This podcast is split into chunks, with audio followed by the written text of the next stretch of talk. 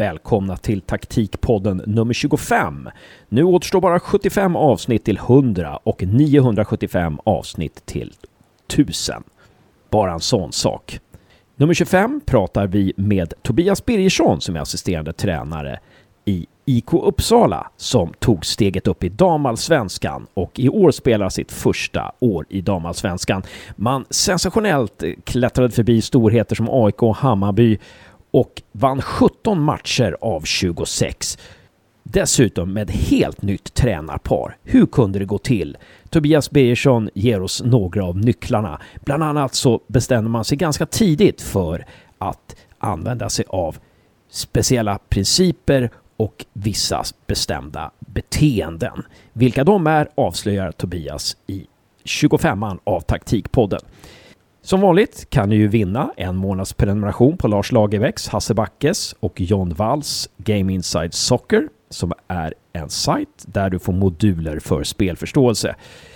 Det enda du behöver göra för att vara med i utlottningen är att retweeta vår tweet på Twitter alltså från den 7 februari. Då är du med i utlottningen. Förra veckans vinnare är kontaktad. Och så vet ni ju att vi kör en vlogg. Varje söndag kommer John Wall med nya infallsvinklar på det här med taktik och fotboll. Så också den här söndagen. Så se upp på Youtube. Taktikpoddens kanal är det som gäller där. Ja, nu lämnar vi plats till Tobias Birgersson, IK Uppsala.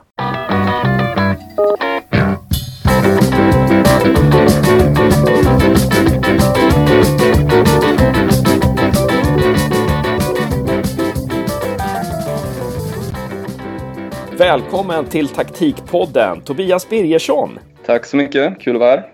Det som är så spännande med dig, det är ju att du har jobbat som huvudtränare, jobbat som assisterande tränare, jobbat både i herrlag, damlag, A-lag, akademier. Men du har sedan ett år tillbaka varit assisterande tränare i IK Uppsala och direkt så går ni upp i damallsvenskan. Och du är dessutom assisterande tillsammans med en huvudtränare som du aldrig har jobbat ihop med förut. Och det här tycker vi skulle vara väldigt intressant att prata om i Taktikpodden.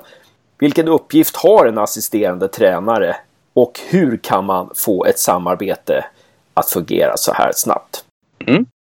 Och välkommen Josef! Hur är läget? Det är bra, tackar som frågar. Det ska bli kul att snacka med Tobbe. Det var länge sedan jag pratade med honom själv. Så, eh, och han har lärt mig mycket genom åren så det ska bli riktigt kul. Just det. Och du hade ju Tobias som lärare när du gick på gymnasiet. Du hade ju honom i ämnet fotboll där.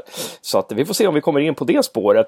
Eh, vi brukar ju sällan prata om känslor i den här podden, men det är ofrånkomligt nästan att, att inte komma in på det här med känslor när man ser att du börjar som assisterande 2019 i IK Uppsala och ni går direkt upp i allsvenskan. Alltså hur, hur kändes den resan? Oj, eh, det var en jättebra fråga.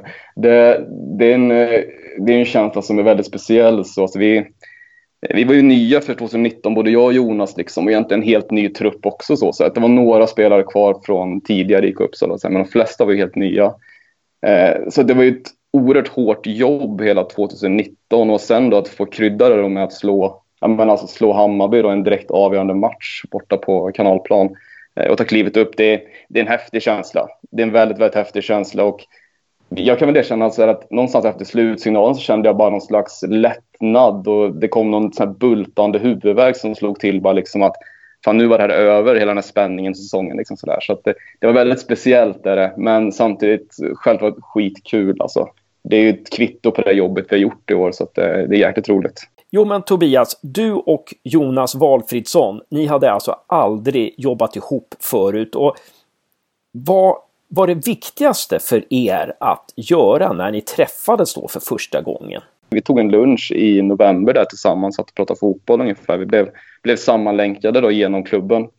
Eh, och upptäckte väl då ganska fort att vi, vi framförallt delar ledarfilosofi, vilket var för mig väldigt avgörande. Eh, och sen så såg vi på fotboll hyfsat lika också ändå, så att vi, vi kände väl någonstans att det här skulle bli en bra mix. Eh, vad började ni ta tag med när ni var nya? Det vi började med först och främst var väl att ja, man kom överens om en slags kultur som vi ville sätta i laget. Var, som beteenden och principer. Vi pratade jättemycket beteenden och principer. Eh, just det här hur vi vill vara, hur vi vill framstå liksom på alla sätt. Och både på planen och även utanför planen.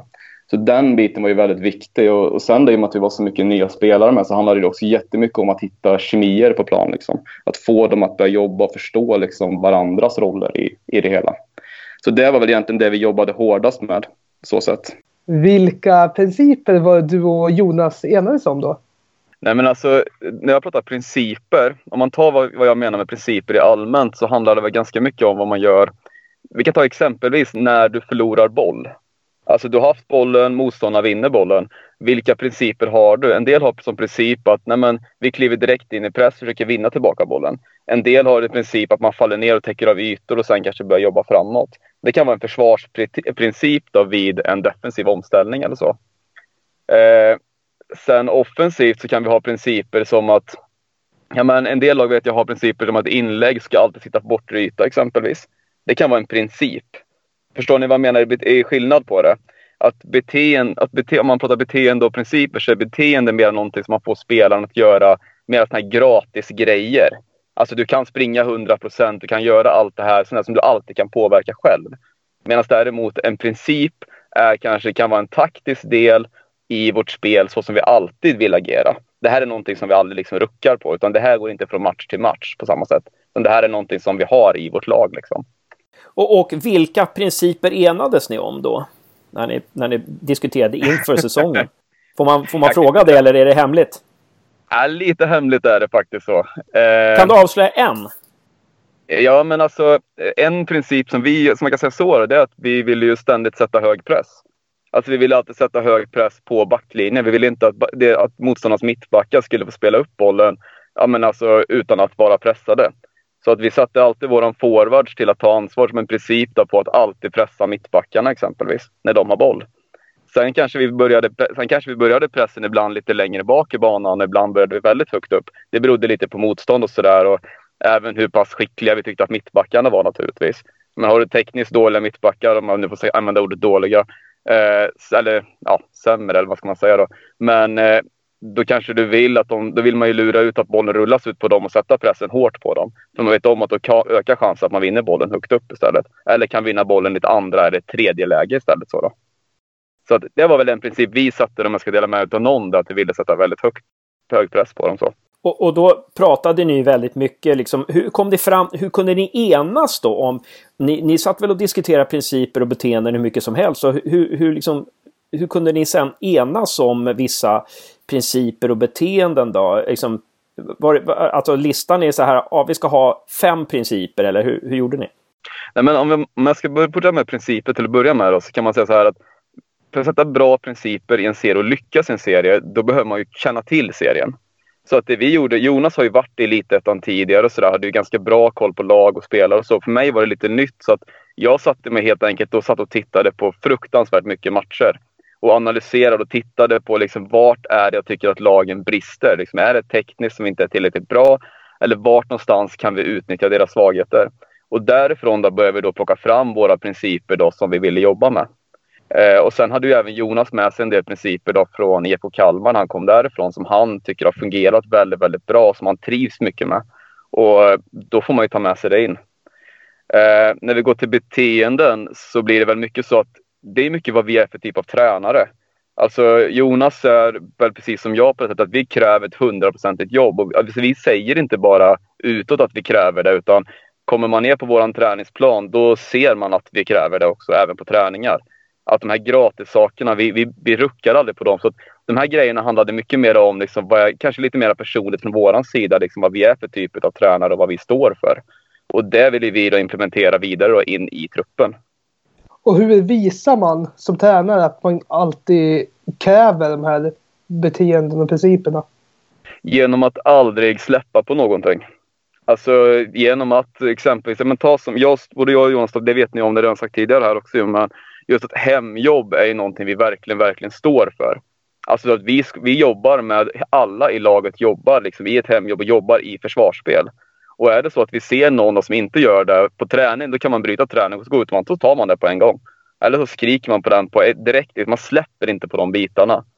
Eh, är det så att det sker på en match, ja men det kanske låter jättehårt, men det är ju det här klimatet vi har skapat här, att vi ska kunna vara väldigt kritiska, öppna och ärliga mot varandra. Och då kan det vara så att vi hänger ut dem på en, ja, men på en videoanalys, på en, alltså när vi går igenom filmerna, matchen. Liksom så.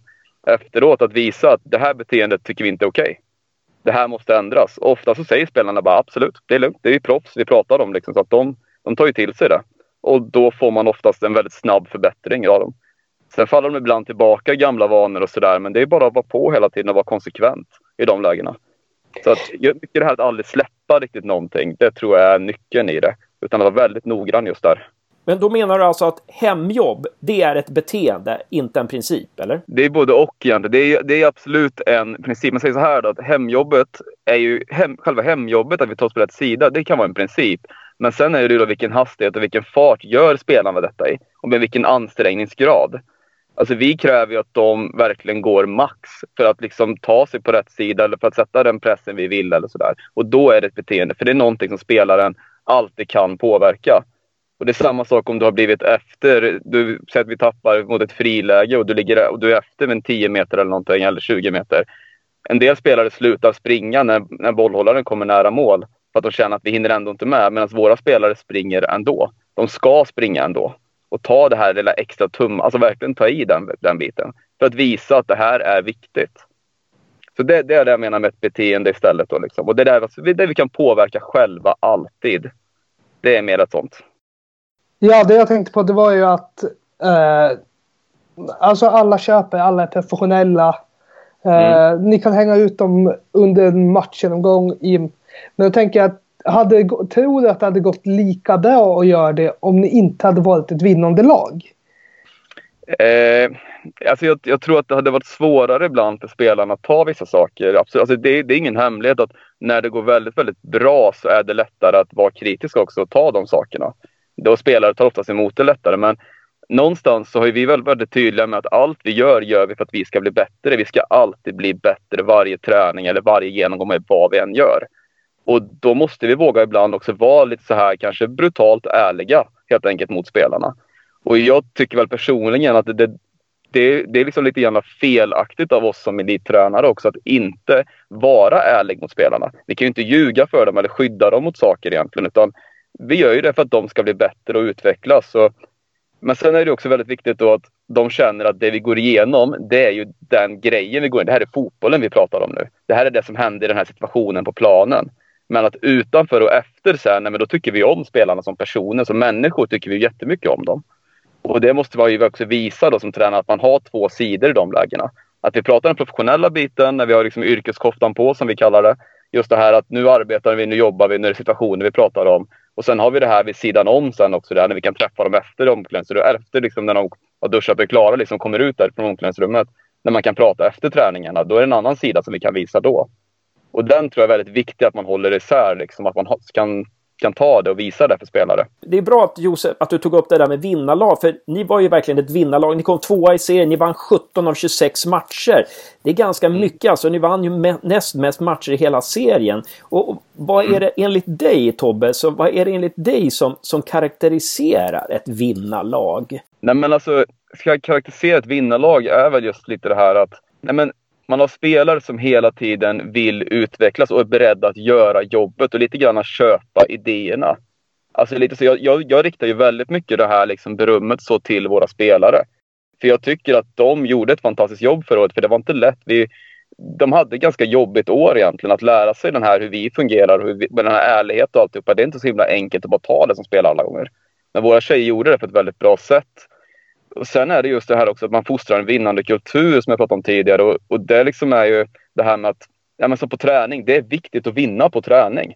Och när spelar man liksom fyra mot fyra eller vad det är, räkna vad det står. Du måste ha koll på resultatet hela tiden. Det är sådana här saker som är liksom, då fostrar man också att vilja vinna hela tiden. Och den biten tycker vi att vi trycker på väldigt mycket.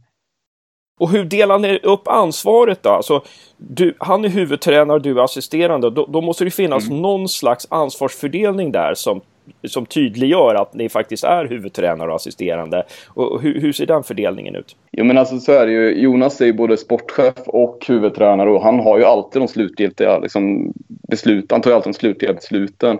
Och han, eh, han har ju liksom sin idé, sin bild av hur han vill att det ska se ut naturligtvis. Så för mig så är det väldigt mycket att jag får ju rätta mig och jobba efter det. Så, även om jag kanske inte alltid håller med och sådär. Men det, det som är en styrka hos honom är väl just det att han tar gärna till sig kritik och diskussioner. Så att jag kan vara väldigt öppen, väldigt ärlig med saker hela tiden. Och, Eh, jag är en ganska, jag vet om att jag är en ganska kritisk person och ganska gnällig person ibland kan vara på fotbollsplan. Men det är just det, jag gillar att hitta de här problemen. Och Josef, eller Josef, Jonas är väldigt duktig på att, att just att ta till sig de här bitarna. Eh, så att fördelningen är väl egentligen att jag jobbar rakt igenom efter hur han vill att det ska vara och sen sköter väl jag vissa delar av träningarna så där att man kanske har lite extra koll på försvarsspelet ibland och kanske lite extra koll på beteenden framförallt så hur jag ville att det skulle vara och agera. Mer sånt var väl min roll egentligen, framförallt i början så liksom där. Jag undrar hur, hur arbetar man mot någonting man inte tror på eller köper helt själv? ja men tror på, det, det gjorde jag. Alltså tror på gör jag. Men sen kanske jag har en annan idé och en annan grund med mig från början. Det är mer det det handlar om egentligen.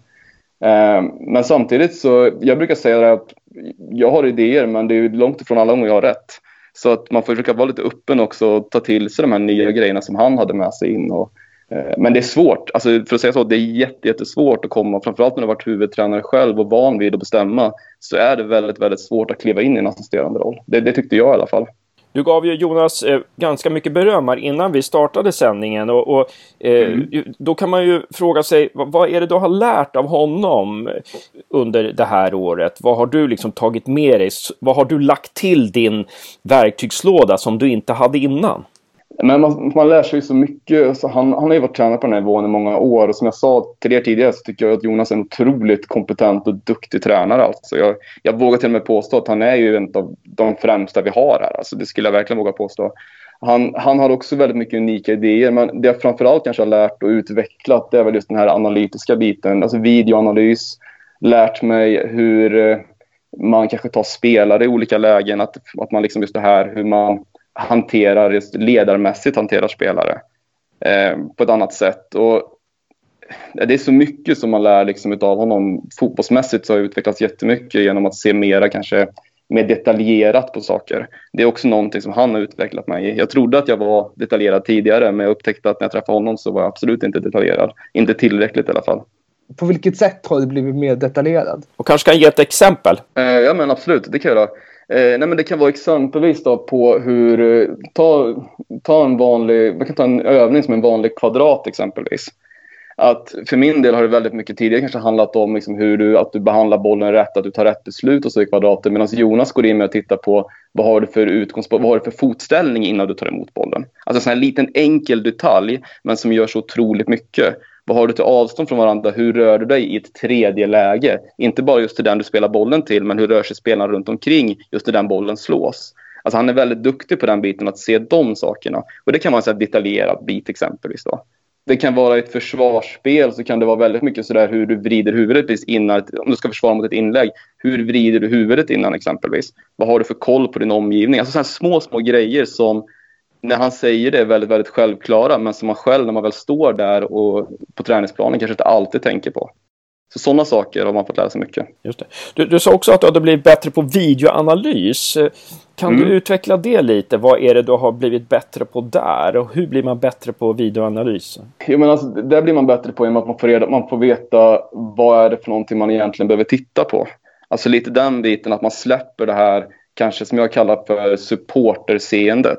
Att man tittar på det som en supporter och tycker att ja, men, eh, det här var en, jag vet inte vad man ska säga, eh, en omställning och det här var en bra passning framåt och en bra löpning. Jo, absolut, men vad hände innan det? Vad var det som ledde fram till den exempelvis?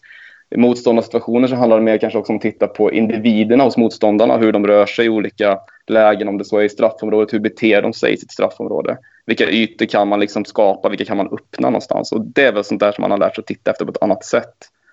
Eh, men det är också väldigt mycket hämtat ifrån den spelidén som vi har med IK Uppsala så har man ju hämtat också där vad det är för något vi vill komma åt och så tittar man ju då på motståndarna. Var, hur kan vi komma åt det liksom? Så det är väl mer sånt man har börjat titta på. Framförallt då beteenden hos motståndarlaget. Det tycker jag är ganska, det tycker jag är lite intressant. Hur pass procentuellt mycket sett, när ni, när ni gör videoanalys, hur, i procent, mm. hur mycket kollar ni på motståndarlaget och hur mycket kollar ni på egna laget? Det har vi ganska uppdelat så. Jag, jag, när jag gör mina analyser, jag tittar väldigt mycket på motståndare. Oftast jag som gör de stora analyserna innan, med Jonas också naturligtvis. Men eh, jag tittar ju nästan bara på motståndarna. Alltså nästan bara på motståndarna. Och Jonas tittar både på motståndarna och vårt egna spel, liksom, så att vi blandar in varandra i det här sen då. Sen kan ju jag hur vi vill spela, jag vet ju exakt hur vi, vad vi vill komma åt för någonting. Men för min del så handlar det väldigt, väldigt mycket om att ha koll på motståndarna. Så jag skulle, för min del nästan 100 procent skulle jag säga. Skulle du kunna ge något exempel på när du har gjort en videoanalys? Någonting du har sett hos en motståndare som du tycker att ni har kunnat utnyttja bra senare i matchen? Ta matchen mot Hammarby. Eh, vårt första mål som vi gör där i andra halvlek när vi har sett att de har en ytterback som är väldigt, väldigt markeringstittare, eller väldigt, tittar väldigt mycket på att spelarna tar vägen. Och eh, har inte egentligen så mycket koll på sin egna position. Och det utnyttjar vi då genom att en av våra spelare drar in i banan, vår ytterforward sticker in i banan. Eh, vilket gör att vi öppnar upp ytan bakom ytterbacken ordentligt. Och det tar sig då vår centrala mittfältare Marika tar sig in i den ytan. Vi får ett inlägg som hamnar just hos henne där hon plockar ner bollen helt ren framför målet och bara kan rulla in eh, 1-1. Det är en sån här grej som man kan se då liksom, exempelvis.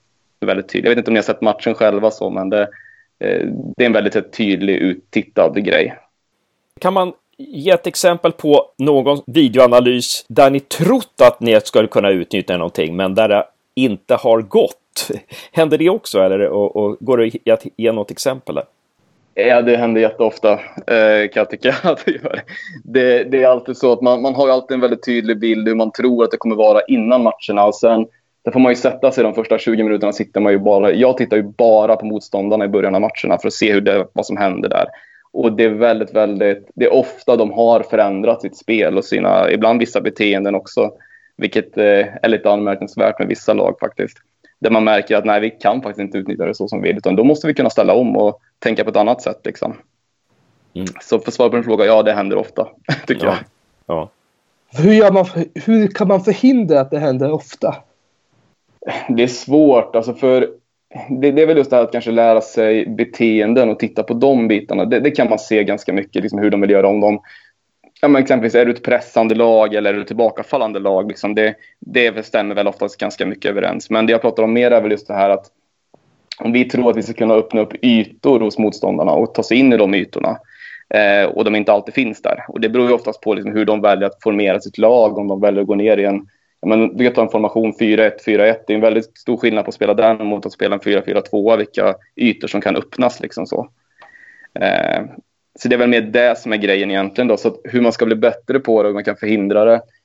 Det är jättesvårt. I och med att tränarna runt man möter är också väldigt skickliga. Liksom, har ju koll på läget. Så att de förändrar ju också för att störa oss så mycket som möjligt hela tiden. Ja. Men det är väl egentligen bara att nörda ner och titta så mycket man kan på matcherna och på lagen.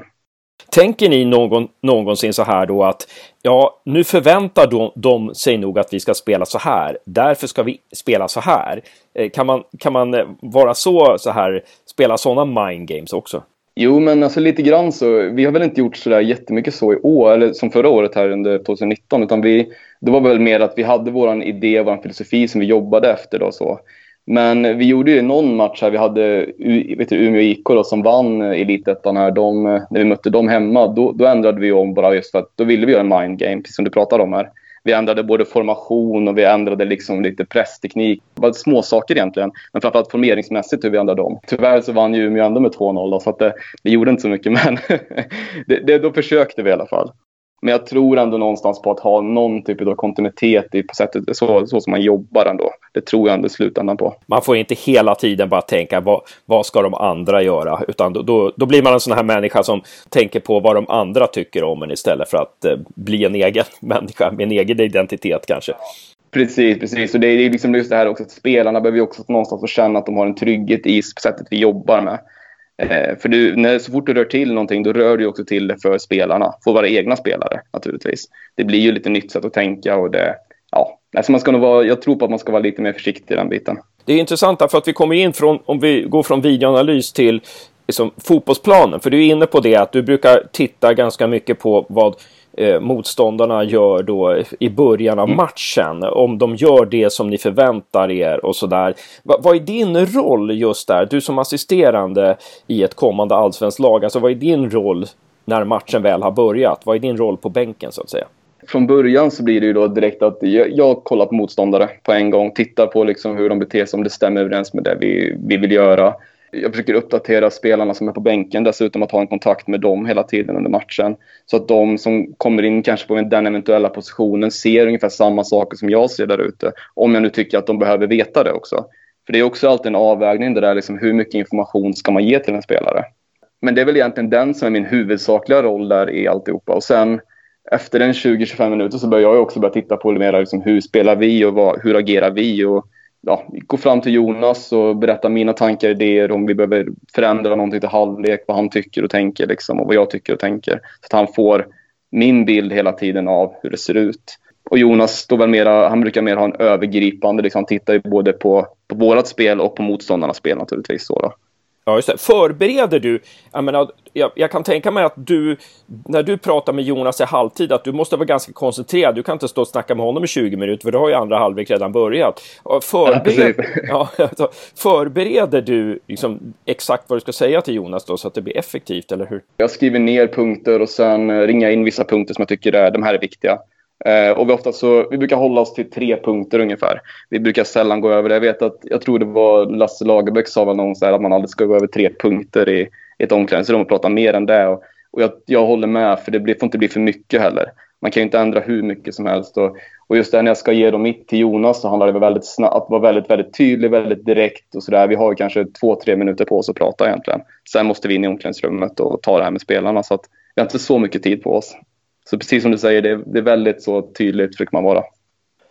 Jag tänker på, eller när jag hör det här om hur ni har delat upp era roller och liknande så börjar jag tänka på hur du använde din assisterande när du var huvudtränare. Eh, jag använder min assisterande på ett bedrövligt sätt skulle jag säga i jämförelse med vad jag gör just nu. Eh, och det har väl mycket med att göra att jag själv är assisterande just nu. Jag har aldrig varit det tidigare. Så jag börjar mer och mer se hur jag får en annan bild av hur jag, om man i framtiden då ska ta ett eget lag igen, hur jag skulle vilja använda min ledarstab assisterande tränare. Men när jag var i Strömsberg exempelvis, det, det var väl visst så att jag ville ju hela tiden höra vad de tycker och tänker runt om mig på bänken naturligtvis. Men vi var ingen så riktigt på det sättet tydlig uppdelning. Så som jag tycker att det är nu på ett annat sätt. Och det är väl något jag skulle vilja ta med mig längre fram. Så att så att för att svara på din fråga Josef, jag tycker själv att jag skulle använt min assisterande på ett mycket, mycket bättre sätt än vad jag faktiskt gjorde. Spännande. Men säg så här då att om du upptäcker saker och ting de första tio minuterna, de första fem minuterna i en match mm. och, och, ser att motståndarlaget gör något helt annat. Är, är, känner du då att ja, det här måste jag få ut då, det här måste jag dela med Jonas och spelarna direkt eller hur, hur, hur funkar det där? Och, och hur delar du det i så fall? Eh, ja, men Jonas är självklart. Honom delar jag med på en gång eh, i ett sånt läge. Oftast har han ju redan sett det själv också. Han är så pass, vi är så pass fotbollskunniga bägge två så att man ser de grejerna ganska fort. Men eh, till spelarna så är man oftast ganska lugn. Utan då, då måste man först och främst identifiera vad är de gör och vad är det som skapar ett problem hos oss i det. Och skapar det ett problem överhuvudtaget? Det kanske är så att de spelar på ett helt annat sätt men vi märker att det här är bara till vår fördel. Så då behöver vi inte göra så mycket heller. Men jag brukar vara väldigt, väldigt snabb. Så fort vi ser någonting, minsta grej, så brukar jag vara framme hos Jonas väldigt fort och prata så vi diskuterar igenom bitarna. Så vi har ju en, en ständig diskussion hela tiden. Så det är väl mycket det det handlar om egentligen. Först och främst identifiera, är det ett problem eller inte? Och nästa steg är liksom, vad är problemet? Varför uppstår det? Och sen kommer då liksom den sista frågan, då, vad behöver vi göra? Just det. Eh, när vi pratade med Martin Augar som är tränare i Assyriska, då så sa han att han brukade ge uppgifter till de som satt på bänken, till alla på bänken, så att de inte satt och tänkte på annat sådär. Eh, är det mm. någonting mm. som, en, en, idé som du sympatiserar med? Eller? Eh, vi har inte gjort det egentligen så mycket. Vi har, eller vi har inte gjort det överhuvudtaget i år på det sättet. Utan, men jag tycker att det är en bra idé. Det är absolut en jättebra idé. Framförallt om du har unga spelare tänker jag så, så är det en väldigt bra idé. Eh, just för att få dem att titta på fotboll på kanske ett annat sätt. Så, så att, nej, för svar på, jag har inte gjort det själv, eller vi har inte gjort det, men jag tycker att idén var intressant. Är det någonting som du vill lägga till, som du tycker att vi har missat och någonting som du tycker är bra för lyssnaren att veta? Ja, det kanske kan vara det jag brukar vilja säga och jag tycker jag kan sakna ibland i vissa, vissa så poddar. Så jag lyssnar mycket på poddar och tycker det är intressant. Liksom så här. Och jag kan tycka ibland är väldigt gärna vad, tycker man, vad kan man ge för tips kanske till så unga tränare, till de som vill bli tränare och, liksom, och ta sig uppåt och kanske inte riktigt har, har tagit det här första steget än att börja utbilda sig eller någonting. Och, och då kan mitt första, alltså det, sådana tips tycker jag är roliga att ge liksom, och, och, det kan vara liksom då, ja men självklart utbilda om man kan. Kan man ta, ta en utbildning, gå utbildning för man får mycket med sig där. Men jag tycker också det att våga, alltså våga se visioner, våga se ambitioner och våga ha ambitioner. Alltså även om det finns folk runt omkring som kanske ibland tycker att ja, men det där är fruktansvärt, men det där är orealistiskt. Ja, men varför är det orealistiskt egentligen?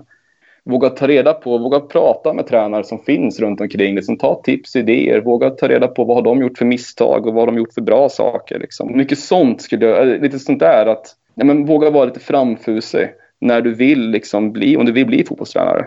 Våga vara lite jobbig, så som jag skulle nästan våga beskriva det. Att våga ställa de jobbiga frågorna till tränarna och våga prata med dem ibland när de kanske aldrig inte vill prata alla gånger. Men var lite så här egoistisk i ditt tänk. Liksom, att vill du ha reda på någonting, ja, men då behöver du få reda på det också. Stort tack Tobias för att du ville ställa upp i Taktikpodden. Tack för att jag fick vara med tycker jag. Det var riktigt roligt och intressant det här.